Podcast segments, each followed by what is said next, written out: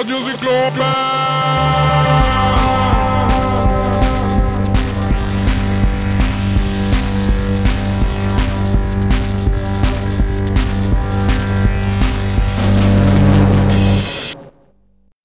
Hej och välkomna till det artonde avsnittet av Radiocyklopen. Jag som håller i studion ikväll heter Elof och jag är själv här på Cyklopenbiblioteket, vilket jag ska försöka kompensera på en mängd olika sätt under den kommande timmen, där vi ska gå på stadsvandring, diskotek och inte minst hålla releasefest.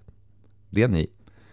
Men innan jag går igenom kvällens program mer nogsamt så vill jag börja med lite goda nyheter.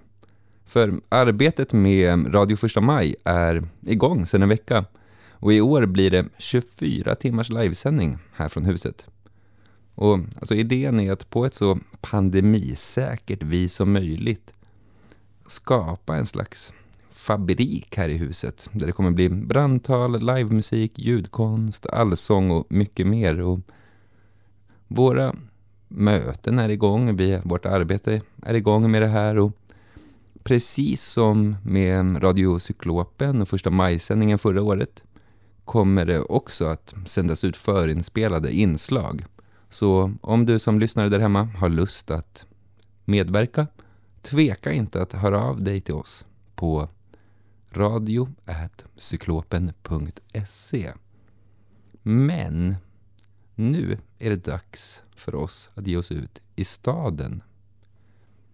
Att gå det är en möjlighet att sänka tempot och att ta in bilderna, ljuden och dofterna.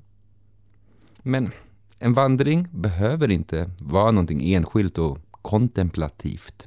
Det behöver inte vara en Sunday walk.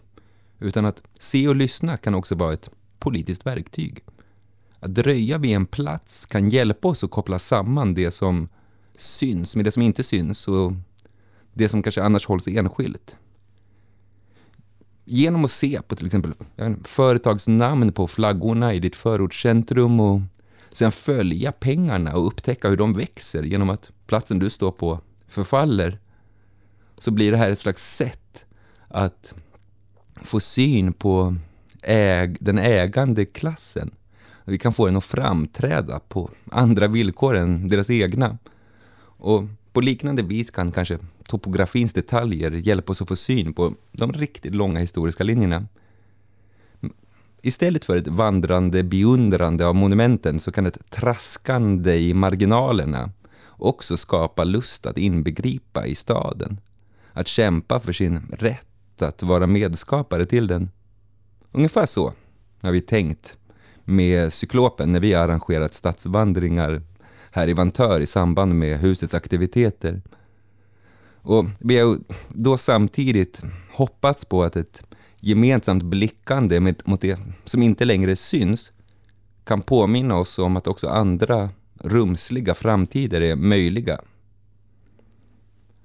En sån här blick kan också möjligtvis sägas vägleda konstnären Sam Hultin i hennes stadsvandring Eva-Lisas monument, som vi nu ska få ta del av.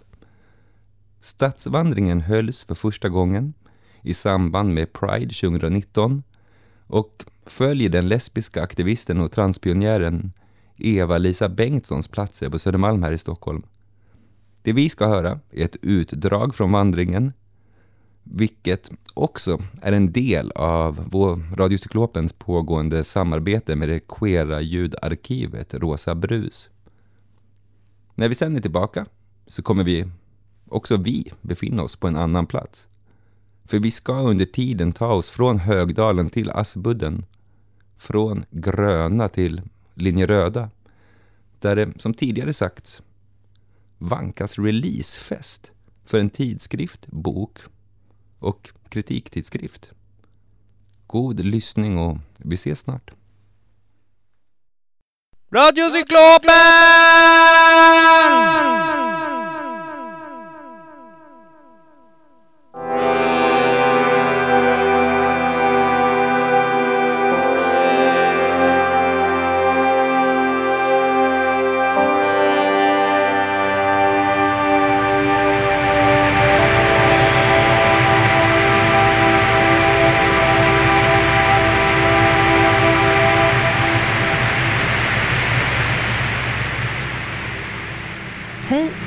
Sanna Giertz och arbetar med Arkivet för Rosa Brus. Ett queert ljudarkiv som samlar in och publicerar queer kultur i ljudform och även gör en del publika arrangemang emellanåt. Vi är här för att presentera delar ur arkivet, så innan jag presenterar dagens bidrag från oss så vill jag passa på att berätta att vi har en hemsida som du gärna får besöka www.rosabrus.nu samt att du jättegärna får höra av dig till oss om du har någonting själv som du tycker borde vara med i arkivet eller kanske bara vill tipsa om något. Men jag ska inte prata mer om oss nu utan istället presentera den stadsvandring som ingår i Sam Hultins projekt Eva-Lisas monument om transpionjären Eva-Lisa Bengtsson. En stadsvandring som rör sig över Södermalm i Stockholm där flera av de platser som spelat viktiga roller i Eva-Lisas liv låg. Eva-Lisa var väldigt aktiv i såväl den feministiska och lesbiska rörelsen som den tidiga transrörelsen i Sverige. Och vi kommer nu lyssna på ett utdrag en bit in i stadsvandringen som berättar om Jerrys damklubb som bildades i slutet av 1960-talet. Varsågoda. Jerrys damklubb. Sedan 1964 har RFSLs dåvarande två delar Kretsen för bögar och Diana för lesbiska haft sin lokal Timmy på Timmermansgatan 24. Men 1969 är den tvungna att stänga under en period. Och det här är en av anledningarna till att Märta Möller sekreterare i Diana och hennes partner Jerry tar över en lokal på Folkungagatan 93. Lokalen låg alltså en bit österut på vänster sida på Folkungagatan. Det är lite långt men har du vägarna förbi så kolla gärna in. Hur som helst får Jerry och Märta in en annons i DN som efterlyser homosexuella damer och där de uppmanar intresserade att höra av sig. Eva-Lisa som förlorat gemenskapen i Transvestia skriver ett långt brev där hon presenterar sig själv och frågar om hon är välkommen. Och det är hon. Och snart öppnar Jerrys damklubb i en källarlokal inne på gården med fest varje fredag. Eva-Lisa finner snart sin plats som portvakt eftersom folk måste ringa för att bli insläppta. Trots att lokalen är ganska nedgången och källarlukten påträngande så finns där i alla fall en jukebox där en för en 25-öring kan spela till exempel Chetem t'aime moi non plus som Eva-Lisa dansar till i sin svarta sammetsklänning. Jerry, som hade döpts till ett feminint namn men som alla känner som just Jerry, blir snart som en förälder för Eva-Lisa. Att komma till Jerrys känns för henne och flera av hennes gamla transvestiga vänner som att komma hem till en stor familj. Och när någon ny kommer så tar Jerry henne varmt i handen, leder henne till något gäng och säger åt dem att ta hand om henne. Och det gör de. Många av dem som hänger på klubben har precis som Jerry tagit sig ett manligt namn och bär traditionellt maskulina kläder. Gränserna mellan de som har en butch-identitet och de som kanske hade haft en transidentitet idag är luddiga och förstås svåra att säga något säkert om. Men det kan vara viktigt att ta upp eftersom transmaskulina varit så osynliggjorda i historieskrivningen. Som maskulin eller butchig kvinna gick en också under radarn på ett annat sätt än feminina män eftersom det oftast är ett större normbrott för män att klä sig i kvinnokläder än tvärtom. Även om det såklart också gjordes i den tidiga homorörelsen, vilket jag snart kommer eh, återkomma till. Efter en stökig nyårsfest 7071 då lokalen hyrts ut till ett ganska härjigt heterogäng blir Jerry och Märta utslängda och till många sorg stängs klubben. Nu fortsätter vi.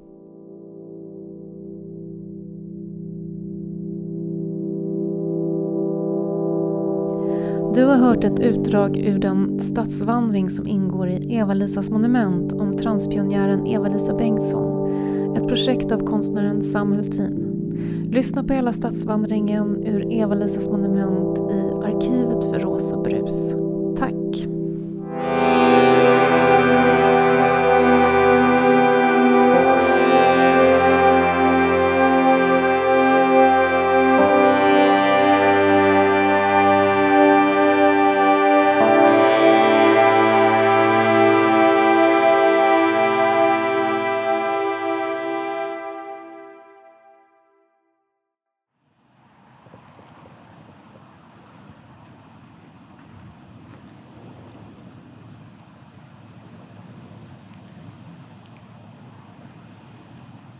Hej! Ehm, vi hörde alltså ett utdrag från konstnären Sam Hultins stadsvandring Eva-Lisas monument.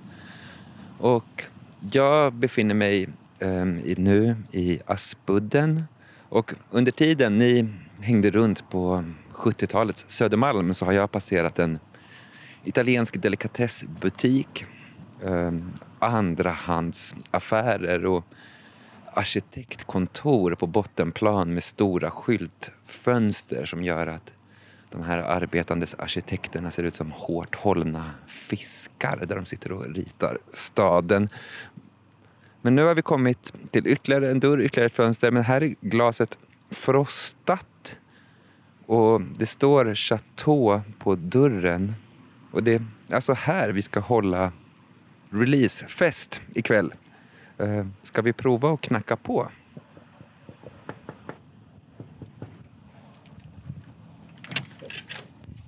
Hej! Tjena Elof! Hej! Vad fint att få komma till er. Välkommen! Jag tänkte att vi skulle ha ha en liten releasefest. Ja, det låter utmärkt. Passar bra för vi har några nya publikationer.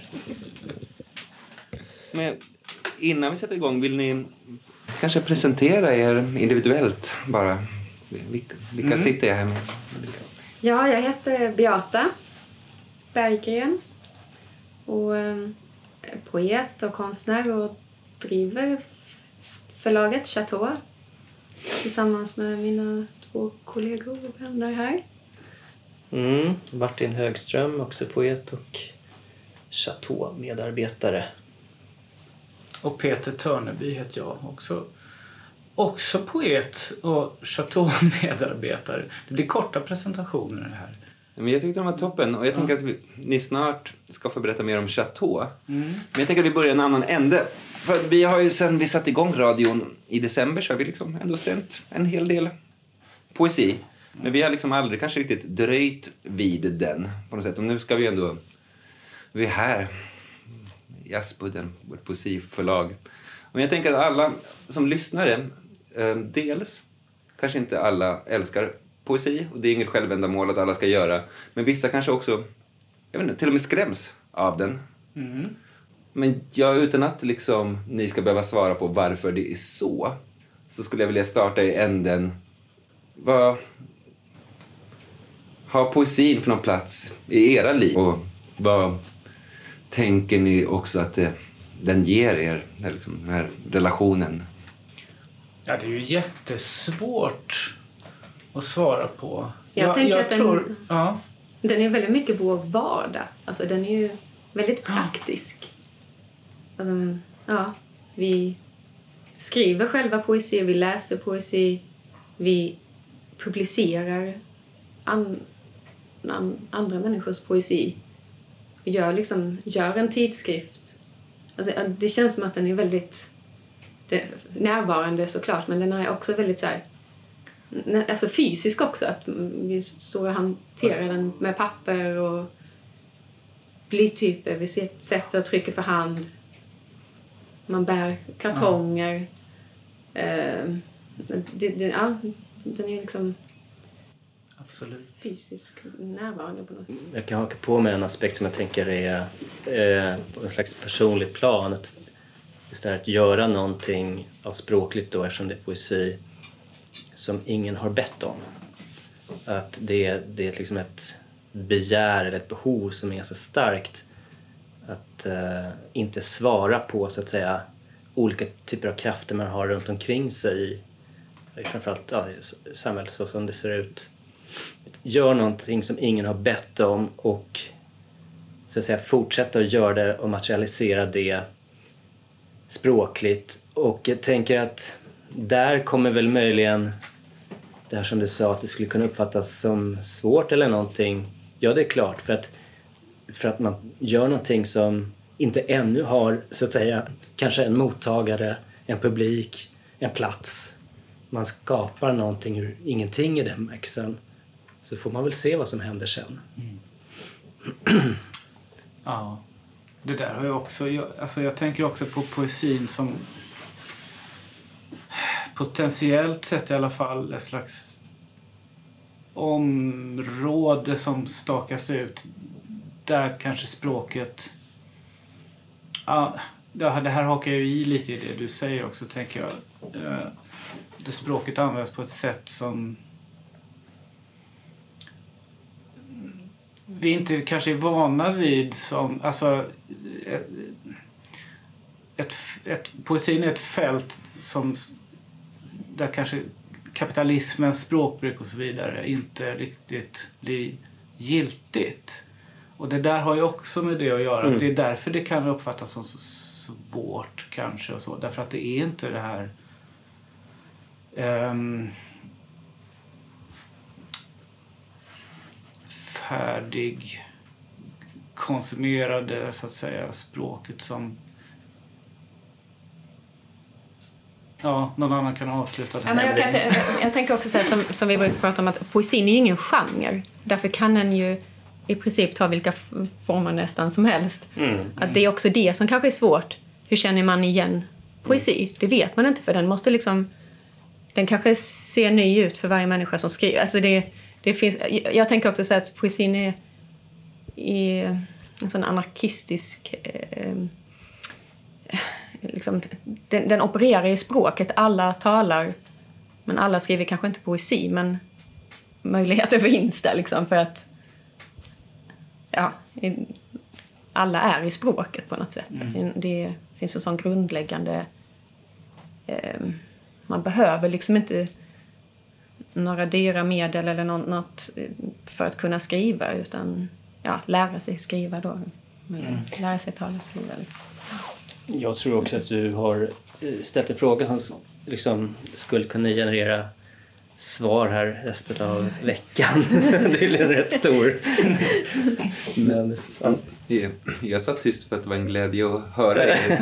Men ni sa ju alla tre inledningsvis att ni är Chateau-medarbetare. Och när jag kom och knackade på här så stod också Chateau på dörren. Mm. Vad är Chateau för något förlag? Ja, Poesiförlag som du sa, det var bra, det var bra sagt. Jag tyckte du kanske redan har sagt för mycket. Nej men eh, så här, vi ger ut en tidskrift som heter Chateau, 16-sidig som vi som vi eh, sätter och trycker här i den här lokalen i Aspudden. Eh, vi gör en liten kritiktidskrift som heter Karlwood Villa, en fyrsidig som vi sätter i datorn. Och vi gör böcker. De kommer två gånger om året ungefär, ibland kommer de lite oftare. Så om man ska beskriva vad Chateau är så får man kanske egentligen börja beskriva vad det är vi ger ut. Men eh, de, de här publikationerna är ju ofta ganska... Eh, de är inte så eh, om- omfångsrika, ganska tunna och sådär. Så att, och det har ju ofta att göra med att vi gör dem själva eller att, så att säga, de präglas av den ekonomi vi har att röra oss med som är ganska begränsad. Men tänk om man skulle säga, för att ni jobbar ju med produktion av böcker. Mm. Men sysselsätter er också aktivt med alltså distributionen av böckerna. Men kanske också sammanhangen de Mm. sprids i och sam, liksom, rummen. De... Mm. Men varför liksom inte bara kränga dem via liksom internetbokhandel som kanske också har den fördelen att nå ut jättestort. Ja, fast Det gör vi också. det gör vi också. Men Det det, du får det att låta enkelt. men vi, våran idé har väl varit att vi har eh, byggt upp ett litet, eller vi har inte byggt upp, men vi, vi har använt av, oss av ett litet nätverk av eh, bokhandlare runt om i Skandinavien som vi har liksom etablerat en personlig relation till och som vi vet, vi känner oss trygga med dem för vi vet att de vet liksom vad det är vi publicerar och de, de förstår vad det är de säljer. De kan ta hand om det liksom. Ja, men Och här- ni jobbar också med någon slags prenumerationssystem, eller hur? Det är viktigt. Det är vi väldigt glada över. Det började vi med för några år sedan när vi startade tidskriften eh, Chateau. Ehm, och I samband med det så startade vi också en ny utgivningsserie av böcker. En serie som heter Supplement där vi med varje nytt nummer av tidskriften skickar ut vår senaste bok också till prenumeranterna. Så det har blivit ett jätteviktigt sätt för oss i, eh, att distribuera böckerna helt enkelt. Varje ny bok går direkt iväg till ett gäng läsare. Sen finns det några ex kvar också som vi kan skicka till återförsäljarna. Men eh, det tar en, det är en väldigt stor procentuell del av distributionen som eh, Mm. fixas i, s- i, i och med prenumerationerna. Vi är väldigt vi är fortfarande lite uppjagade över det här. Det känns nästan Mm. som att vi ibland tror att det är vi som har uppfunnit idén prenumeration. För att det kändes så genialt när vi väl började med det. Men, Ja. men eh, ja, det funkar väldigt bra faktiskt. Och det känns som ett roligt sätt att ha en slags direkt kontakt så att säga med, med en stor del av läsarna. ja, det är häftigt. Det är... Även om vi inte skulle vilja enbart jobba med prenumerationer. Det, det är ju jätteviktigt också med de här fysiska bokaffärerna. Och eh, vi brukar också alltid försöka ha release-evenemang och så hos de olika återförsäljarna. När det är möjligt. Det är någonting med det där med att man inte vill ha eh, namnet och adressen till varje läsare. Det är, det är någonting sånt där som, eh, man vill, som du sa, böckerna ska finnas ute på platser som någon kan hitta på olika bibliotek inte minst. Eh, arkiv och så vidare som är tillgängliga. Någon kommer att hitta det vi har gjort utan att vi så att säga har den personen på en lista. Om det hade varit avgränsat till det som Peter var inne på eh, då hade det varit mer en känsla av en slags klubb eller något. Ja, Som- ett förlag får inte inte- vara ett slutet system. Nej, Så Det precis. måste finnas massa öppna dörrar och Ja, det, fönster. det är något i det där man släpper taget om det man gör och se, får någon annan ta över. Liksom. Nu tar jag fräckt mm. um, ner detta från en bok, från en hylla. en regal. En regal. Då tar jag ner denna från er regal. Så, och jag gissar att det här är det nya numret. Ja. Mm. Hur blir den här till i världen? Men just den här tidskriften som du tog ner mm. från vår regal mm. är ju eh, handsatt och tryckt med blytyper på en press ifrån 1960 Två, ja, vi vet inte exakt, ja, men det är ett serienummer ja. som indikerar tidigt 60-tal. Så det är en gammal, gammal teknik. Eh, eller gammal teknik, men... Är det den som står bakom mig? Mm. Ja, mm. Eh, precis. En tryckpress. Och, så det här numret är ett 16-sidigt eh, nummer. Och, eller det är alltid 16 sidor, men det, är, det tar... Hur många dagar tar det att trycka ett sånt här nummer? Eh, det är det, det är fyra stora pappersark som vi sen skär ner. Det blir 16-sidigt. Och eh, det tar en dag att trycka ett sånt här stort ark. just eftersom vi har 16 sidor att spela med. Det är ju inte så jättemycket. Det är inte så lite heller egentligen. Det kan hända ganska mycket på 16 sidor. Men eh, vi är ofta ganska noga med att om vi ber någon skriva någonting till exempel att ja, vi skulle gärna vilja ha ett bidrag här på två alternativt fyra sidor kan vi kanske säga ibland och sen behöver vi veta i ganska god tid då, hur många sidor blev det nu då? Ja, men vad härligt. Och vi var ju också väldigt glada för att få ha eh, releasefest här i radion. Ja. Så vi tänker att vi, vi sätter igång och lyssnar. Men samtidigt som man lyssnar eh, kan vi också passa på att säga att de här eh, tre, liksom, Kritikbladet, tidskriften, boken, finns att låna på Cyklopens bibliotek.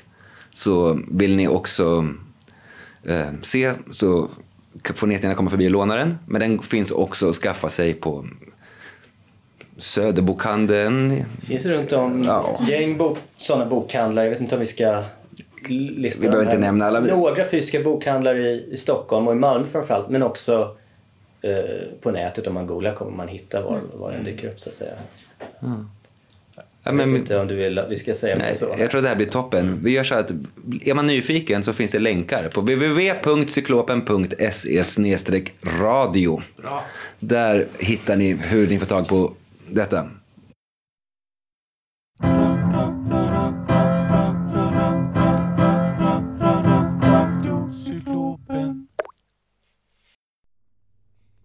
Det nionde numret av Chateau innehåller prosa och poesi av Michel Cohen Alemi, Gösta Mattsson, Fred Moten och Ida Sidore. Vi ska nu höra poeten Ida Sidore läsa sin dikt Öppna och stänga och och Beata Berggren läsa The Last Things Before the Last av den franska författaren Michel Cohen Alemi som ursprungligen publicerades i nummer 5 2021 av den fransk-engelskspråkiga tidskriften Senahoy som ges ut av poeterna Luc Benassar och Jacqueline Frost i Paris.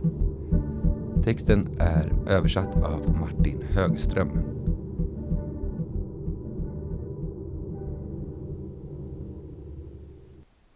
Bofinken störtade rakt in i gavelfönstret och landade på gräsmattan där den låg och återhämtade sig någon timme. Vad är det egentligen du ber mig om? Den matta skärmen reflekterade ingenting alls. Till slut kom en flicka med röda ögon ut och stängde dörren bakom sig. På kvällen var det stjärnor och stjärnor och stjärnor. Det blev sand om jag flyttade på mig så jag satt tyst i flera minuter. Att drivas ut av en storslagen dåtid för att hamna i en outhärdligt liten nutid. Så har man beskrivit det. Själarna är enorma men vet de vart de vill. Man kan föreställa sig känslan av tigerbalsam på bröstet. Det luktar så rent av mynta i Esses kök.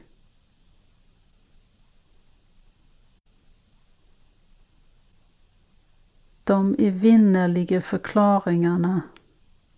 Flattermusens ekolåd en höll en nästan diskriminerande distans. Det är ändå ett tag sedan jag fanns där på riktigt. Damm av cement i luften. Vi råkade på varandra och började med en förvånansvärd lättsamhet att prata om saker som hade hänt för över tio år sedan i skymningen innan nattens flyktiga rörelser. Folk bor gärna med utsikt över kyrkogårdar. Tanken på vår första tid är som att bli sparkad i bröstet och sen inte få återhämta sig. Tvång verkar inte göra någon skillnad för växtens överlevnad. Fönsterkarmen växer igen. Uppgifter radar upp sig. När mamma ville lära mig att dividera var jag nära att förlora fattningen. Så hårt smällde vi igen dörrarna. Nytt är också bra. Ljudlösa leenden genom fönstret att man i princip kan råka på vem som helst när som helst. Allra helst skulle jag vilja undvika att titta inåt. Den som har hört vad den andra verkligen säger kan integrera det i sina förväntningar. Det vet jag för att jag har cyklat omkring i ens grannskap. Nya hus har gräs på taket.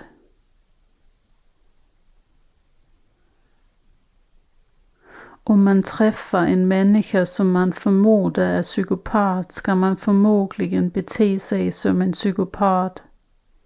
Jag brände handleden på en laglig glödlampa. Om han kunde bli en känd filosof genom att säga det här är en hand och det här är en annan hand och därför finns det säker kunskap, då vet jag verkligen inte. Böckerna radar upp sig, skrivbordet vacklar. Benen gör ont men det går framåt med fotleden.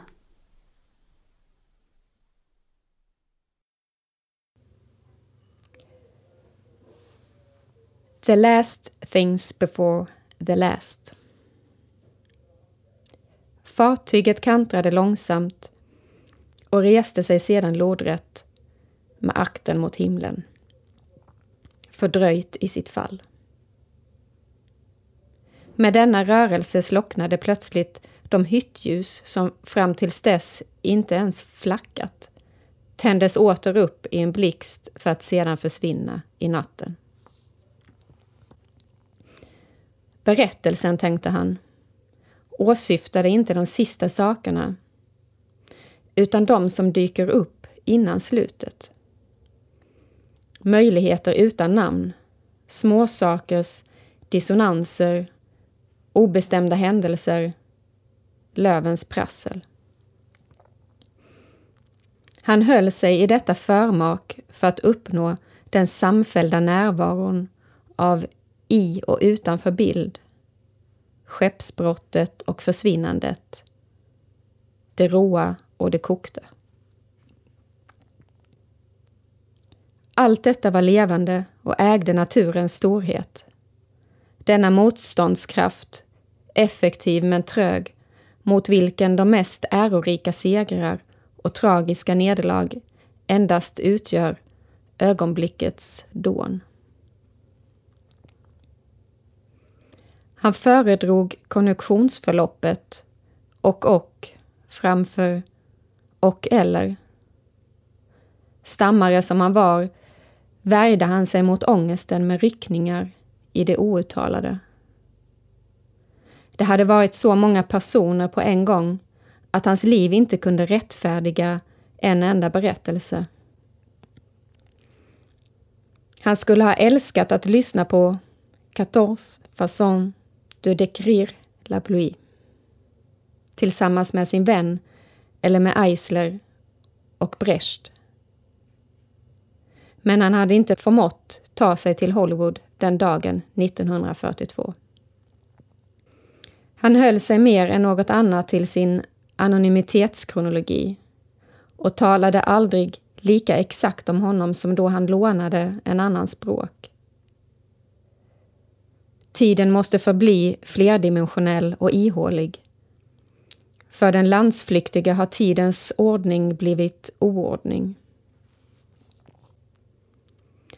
Maskinerna göd tvärs genom hela fartyget i ett dån och ett muller som hördes vida omkring. Det skulle ha varit bättre med någonting starkare, mycket starkare än ord. Minnet av de första biografbesöken hade inte lämnat honom.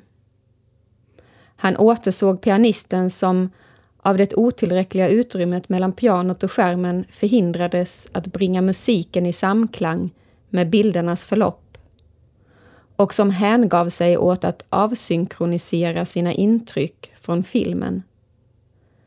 Morden begicks i valser, kärleksscenerna förenades med militärmarscher. Han grät rakt ut i baronessans salong. Han överträffade världens negativitet i sin inbildningsförtvivlan. I fullmånens strålar dök fartyget i långsamma krängningar.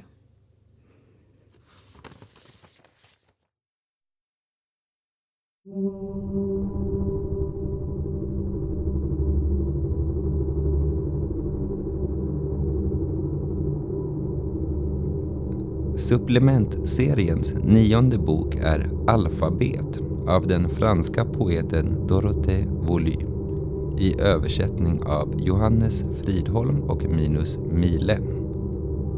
Boken gavs ursprungligen ut 2008 av Eric Patsy Editör i Marseille. Vi ska nu höra Johannes och Minus läsa ett utdrag ur sin översättning.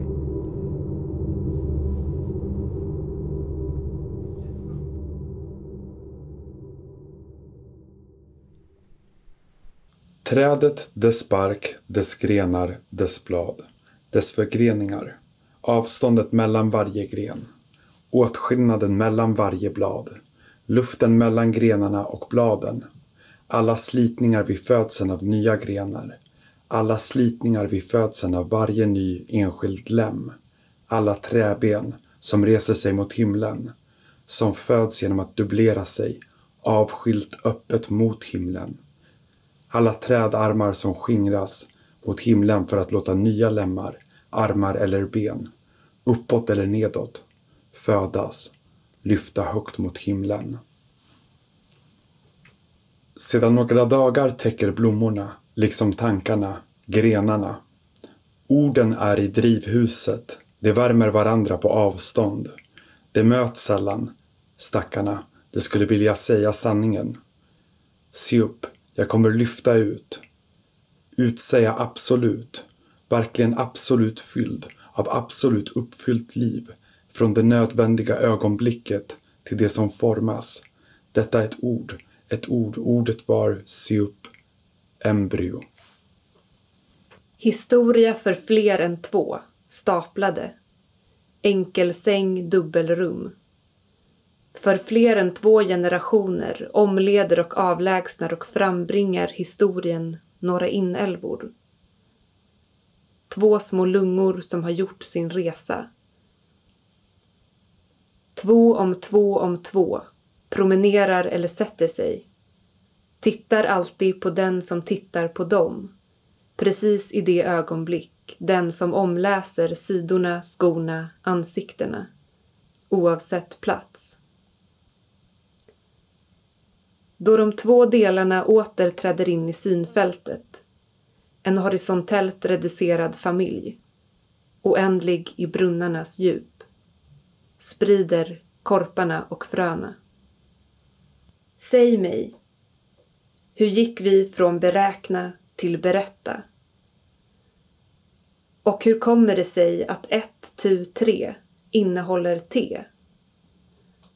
Och vad är egentligen handlarnas bord där de mottog pengarna?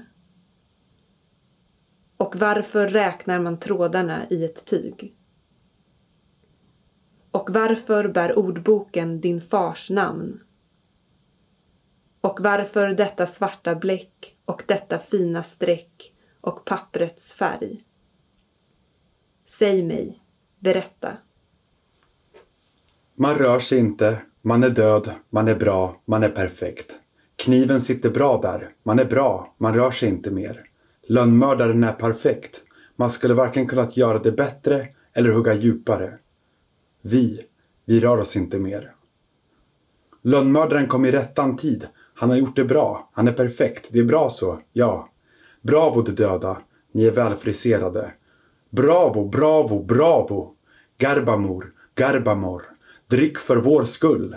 Vaka ni hos mig. För ni är inte oantastliga, ni dödens döda. Och uppför ni er, så tar jag ett foto av er. För att betrakta landskapet genom fönstret utan att kunna stanna kvar stiger man upp.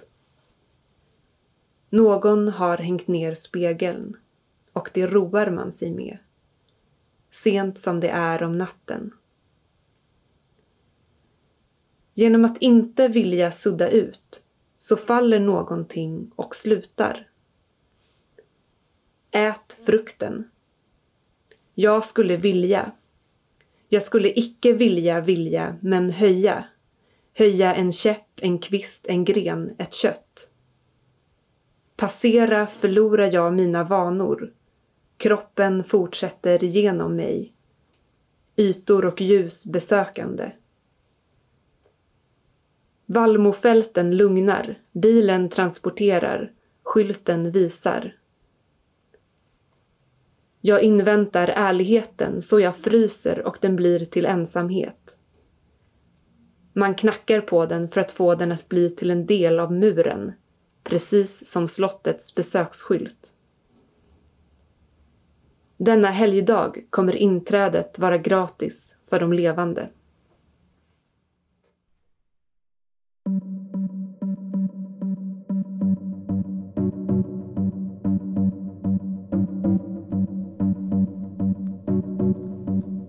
I det nionde numret av Collywood Villa skriver författaren och kritikern Cecilia Lusson om nummer 25 av den skotska poeten och konstnären Ian Hamilton Findlays poesitidskrift Poor Old Tired Horse från 1967 betitlat One Word Poems. Vi ska nu höra Cecilia läsa sitt bidrag.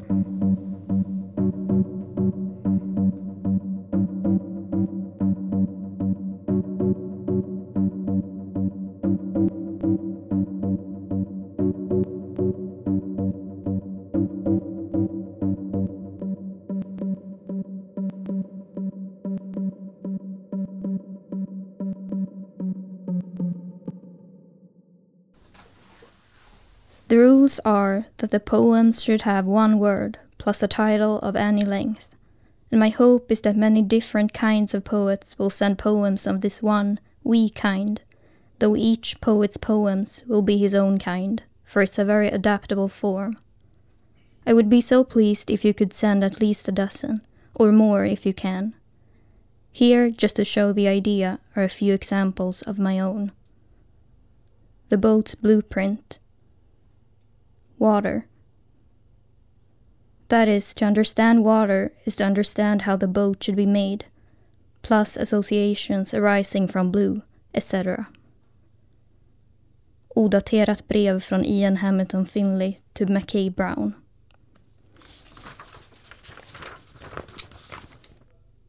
Hästhagare 1 Kalligrafi är text som rör sig. Serpentiner. Regel. Uppifrån och ner, vänster till höger. Avblås. En riktning korsas av en annan riktning. Inspärrning. Separerad och förenad genom linjen hav eller travar. Hästhagar 2. Jag kan inte alltid läsa vad det står. Texten i det kalligraferade och sista numret av Poor Old Tired Horse är medierad och remedierad, från analog till digital. Pdf-filen förmår mig att gå nära in på dikterna och noggrant försöka inspektera varje dragen linje, pixel för pixel. Jag måste jämföra R och V. Huvudet följer med i vågrörelsen för att tyda M eller N eller U. Och samtidigt munnen som uttalar möjligheter. Cumulus. Rubriken duperar mig. Det här är ingen enordsdikt. Cirrus. Min sporadiska oförmåga att läsa kalligrafin gör att jag växlar mellan kortsynthet och långsynthet. Efter att ha zoomat in till minsta bildruta zoomar jag ut, skjuter ifrån mig texten tills den är nästan oläslig. Som när jag somnat med mina linser. Då framträder plötsligt Altus. Vad händer när rubriken inte längre fungerar som rubrik? När nivåerna nivelleras? Stratus. Vi är så vana vid standardiseringen att vi inte längre ser bokstavens konturer. Nimbus. Hästhagar 3. En kropp skriver en annan kropps ord. Teknologi. Bokstaven är unik och kan inte upprepas. Perenner. Avståndet mellan hand och text. Skugga. Pastoral rektangel. Saltsten. Dikten är en invasiv art. Ormbräken.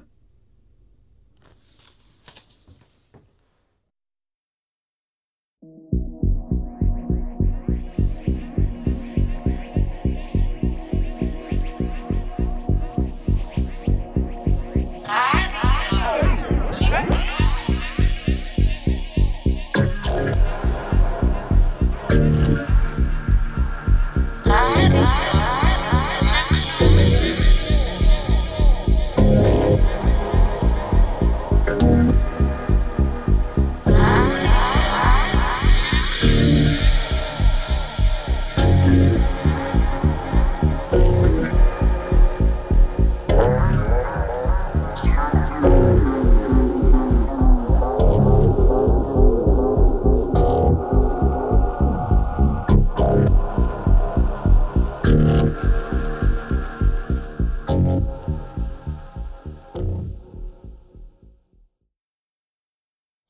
Men nu är vi tillbaka eh, hos Chateau eh, i Aspudden där vi håller en releasefest. Och jag tänker så här, att ni har ju arbetat gemensamt med förlaget i, som jag förstår det, sedan 2012, alltså snart nio år. Och för mig utifrån verkar den liksom, kollektiva delen fundamental för ert arbete. Och i en gammal intervju jag lyckades eh, snappa upp så säger någon av er så här. När vi arbetar tillsammans tar vi beslut snabbt och enkelt. Det är enklare att arbeta tillsammans än att arbeta själv. Förutsatt att det här är någonting som ni vill kännas vid idag. På vilka sätt blir det lättare att arbeta tillsammans? Man måste ju inte göra allt själv. Nej. Det är en Det fördel. blir, det blir ju lättare på det sättet. Man måste inte göra allt själv och ibland så kan man sticka iväg och göra någonting annat och så vet man att förlagsarbetet fortsätter så att säga. Man kan olika saker så man kan ju liksom dra nytta av an, de andras kunskap. Men sen är, om det är så här att någon, två trycker så kommer den tredje personen nästa dag och kanske skär eller vad det nu är, eller falsar. Sådana praktiska aspekter så att säga som är bra att sli, slippa göra allt själv. Så kan det ju också vara att eh, i idéer eller förslag, så att säga, det man pratar om, så behöver man inte så att säga ha, förhålla sig till sitt eget överjag så mycket. Man behöver inte ha en, en egen kontrollinstans utan man kan lägga fram förslag och lita på att de andra tar hand om det och säger nej, det där, det där var riktigt dåligt. Eller eh, säger att det fanns en gnutta liksom, mening i det du sa, det ska vi försöka göra något av. slipper man tänka hela vägen själv. det är ju rätt skönt. Det är också, man kan ju formulera sig liksom genom andras ord också.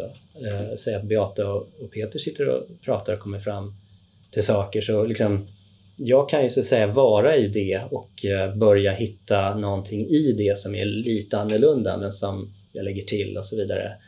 Eh, I det här samtalet så behöver man återigen inte så här, börja från sin egen lilla hjärna utan Nej, man tänker tillsammans bättre. Man, ja, man tänker bättre tillsammans. Ja, det gör man. Sen finns det ju också vissa moment som vi ibland ska säga, har lagt in i, i eh, arbetet där vi gör saker på individnivå lite som ett sätt att försöka överraska varandra. Till exempel så gjorde vi för några år sedan en liten risograftryckt poesitidning som heter Slott som kom ut vi sa att det, Slott är en månadstidning som kommer ut på hösten, vilket innebar att den kom ut i september, oktober, november. Alltså tre nummer varje höst. Och då gjorde vi, då var vi redaktörer för varsitt nummer.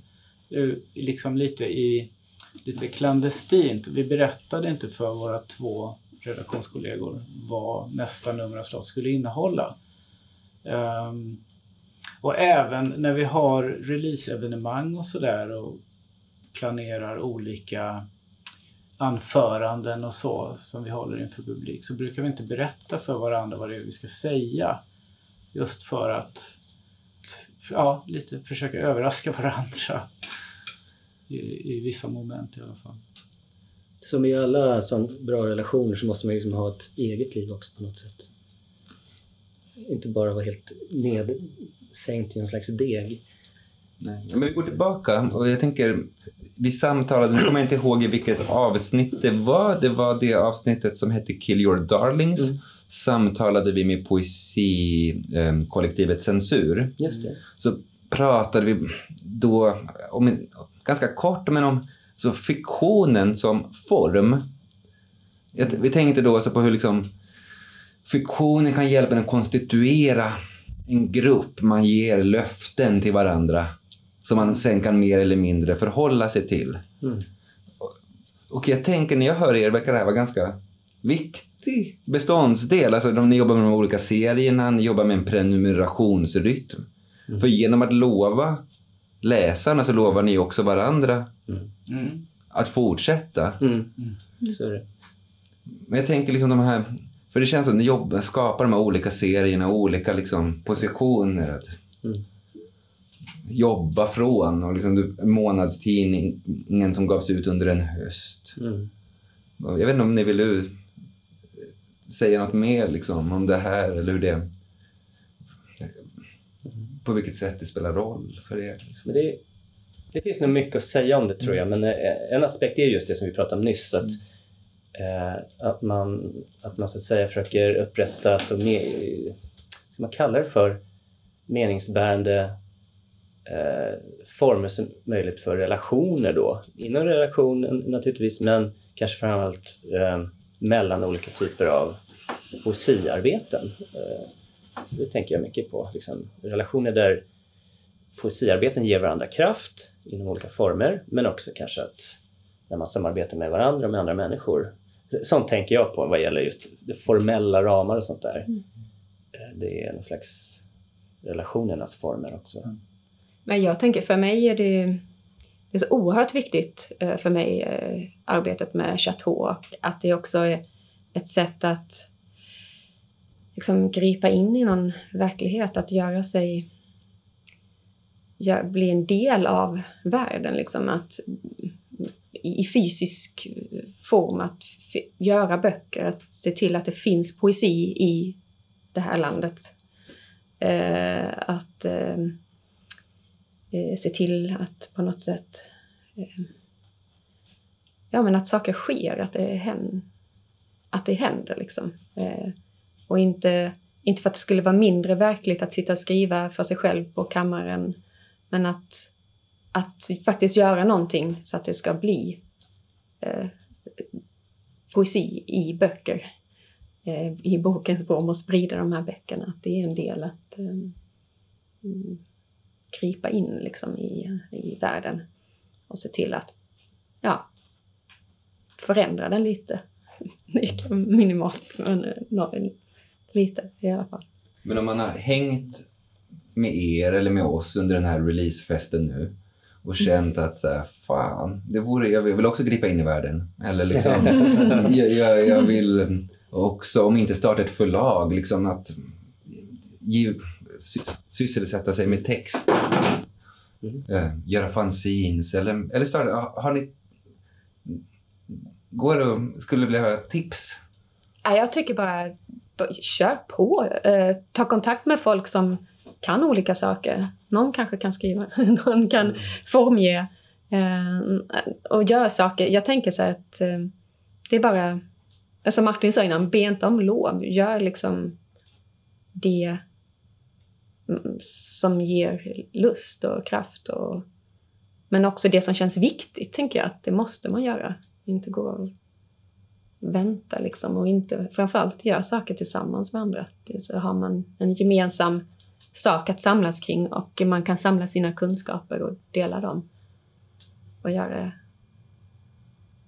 Vi, Bra grejer. vi vill ju ständigt uppmana alla eh, människor som sysslar med poesi att, att eh, bilda liksom redaktionella grupper och starta tidskrifter. Man kan göra ett nummer, man kan göra två.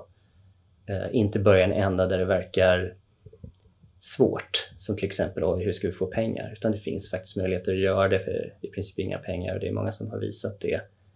Eh, är man intresserad av någonting som skulle inbegripa en större ekonomi så fine, då får man väl börja i den ändan. Men det man känner är lustfyllt, bara jätte...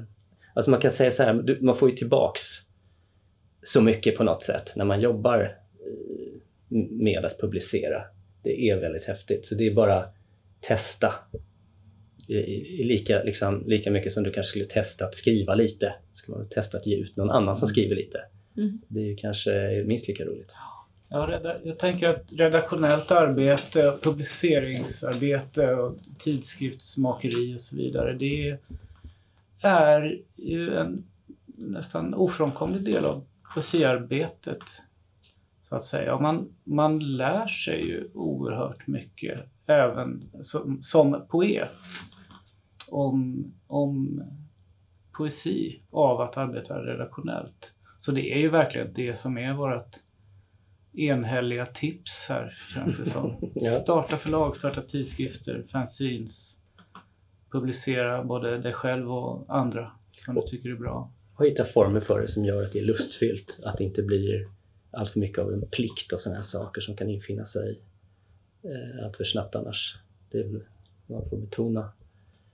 Ja, och det är ju också som Beata var inne på ett det är ett väldigt bra sätt att kunna arbeta just kollektivt.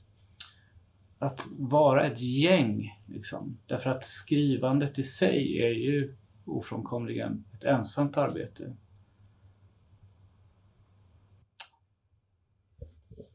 Ja, och vi startade ju kvällen på biblioteket i Högdalen och tog oss hit till Aspudden. Och nu ska vi snart avsluta kvällen, men innan vi går vidare kan jag passa på att fråga vilken roll spelar liksom eh, disco för Chateau? Jag tror att den kommer att spela väldigt stor roll alls snart. Det diplomatiska svaret.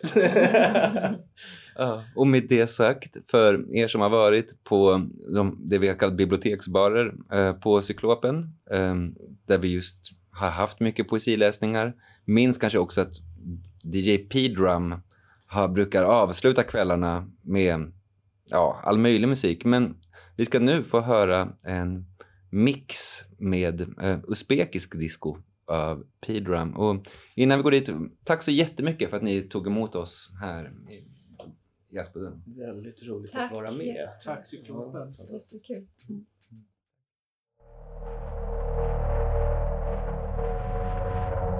Som en tunga i ditt öra. Som en tunga i ditt öra. Radiocyklopen! Hej! Det här är DJ P-Drum och du lyssnar på Radio Cyklopen. Jag tänkte spela tre discolåtar från Uzbekistan för er ikväll.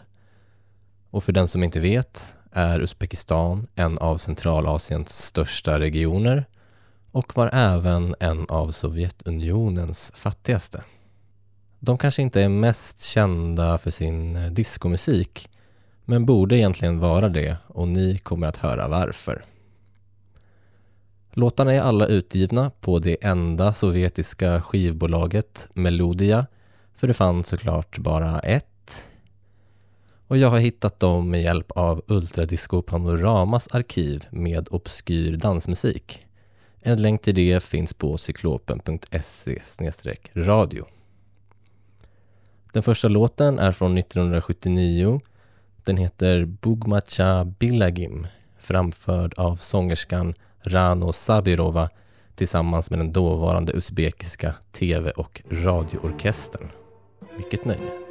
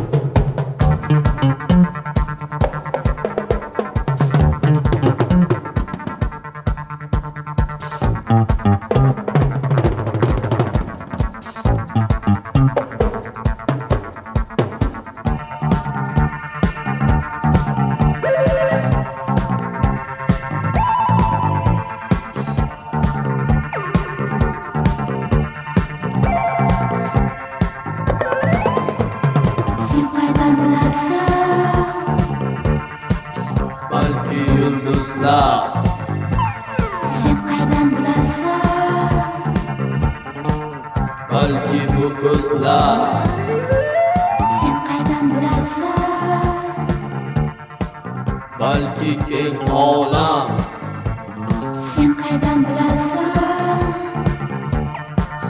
o'ylayotgandir o'ylayotgan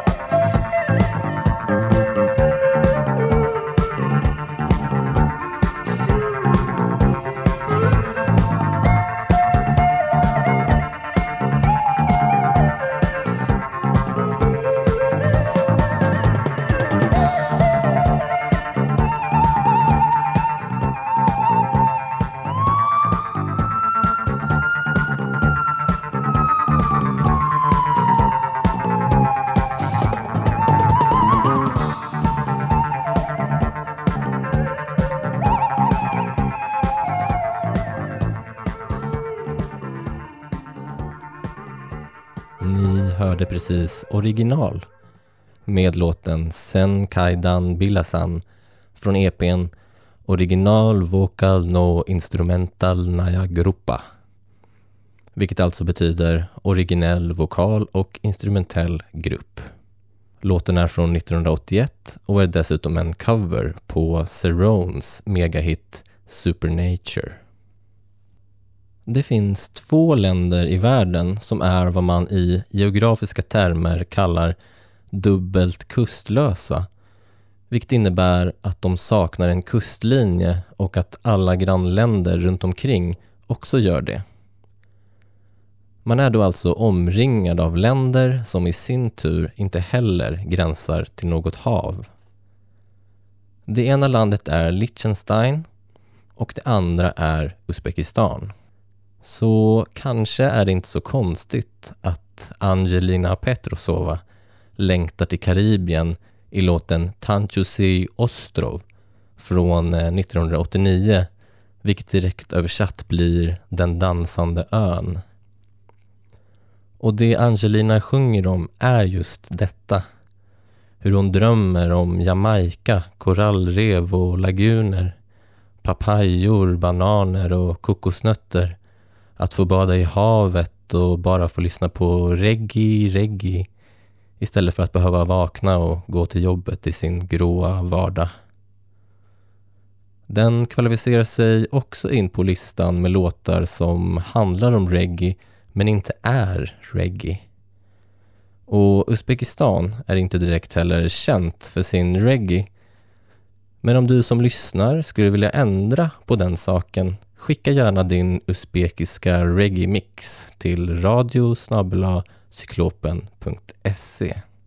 Tack för att ni lyssnat. Ni har hört DJ P-Drum i Radio Cyklopen.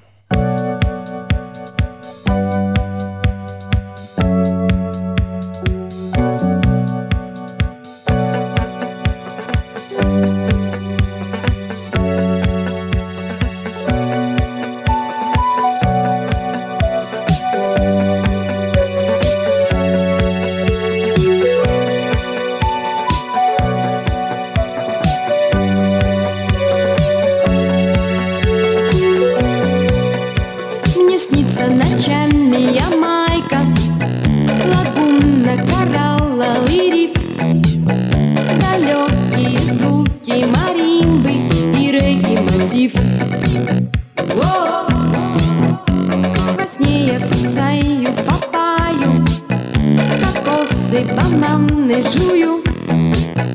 Полдня в океане купаюсь. Как жаль, что я сплю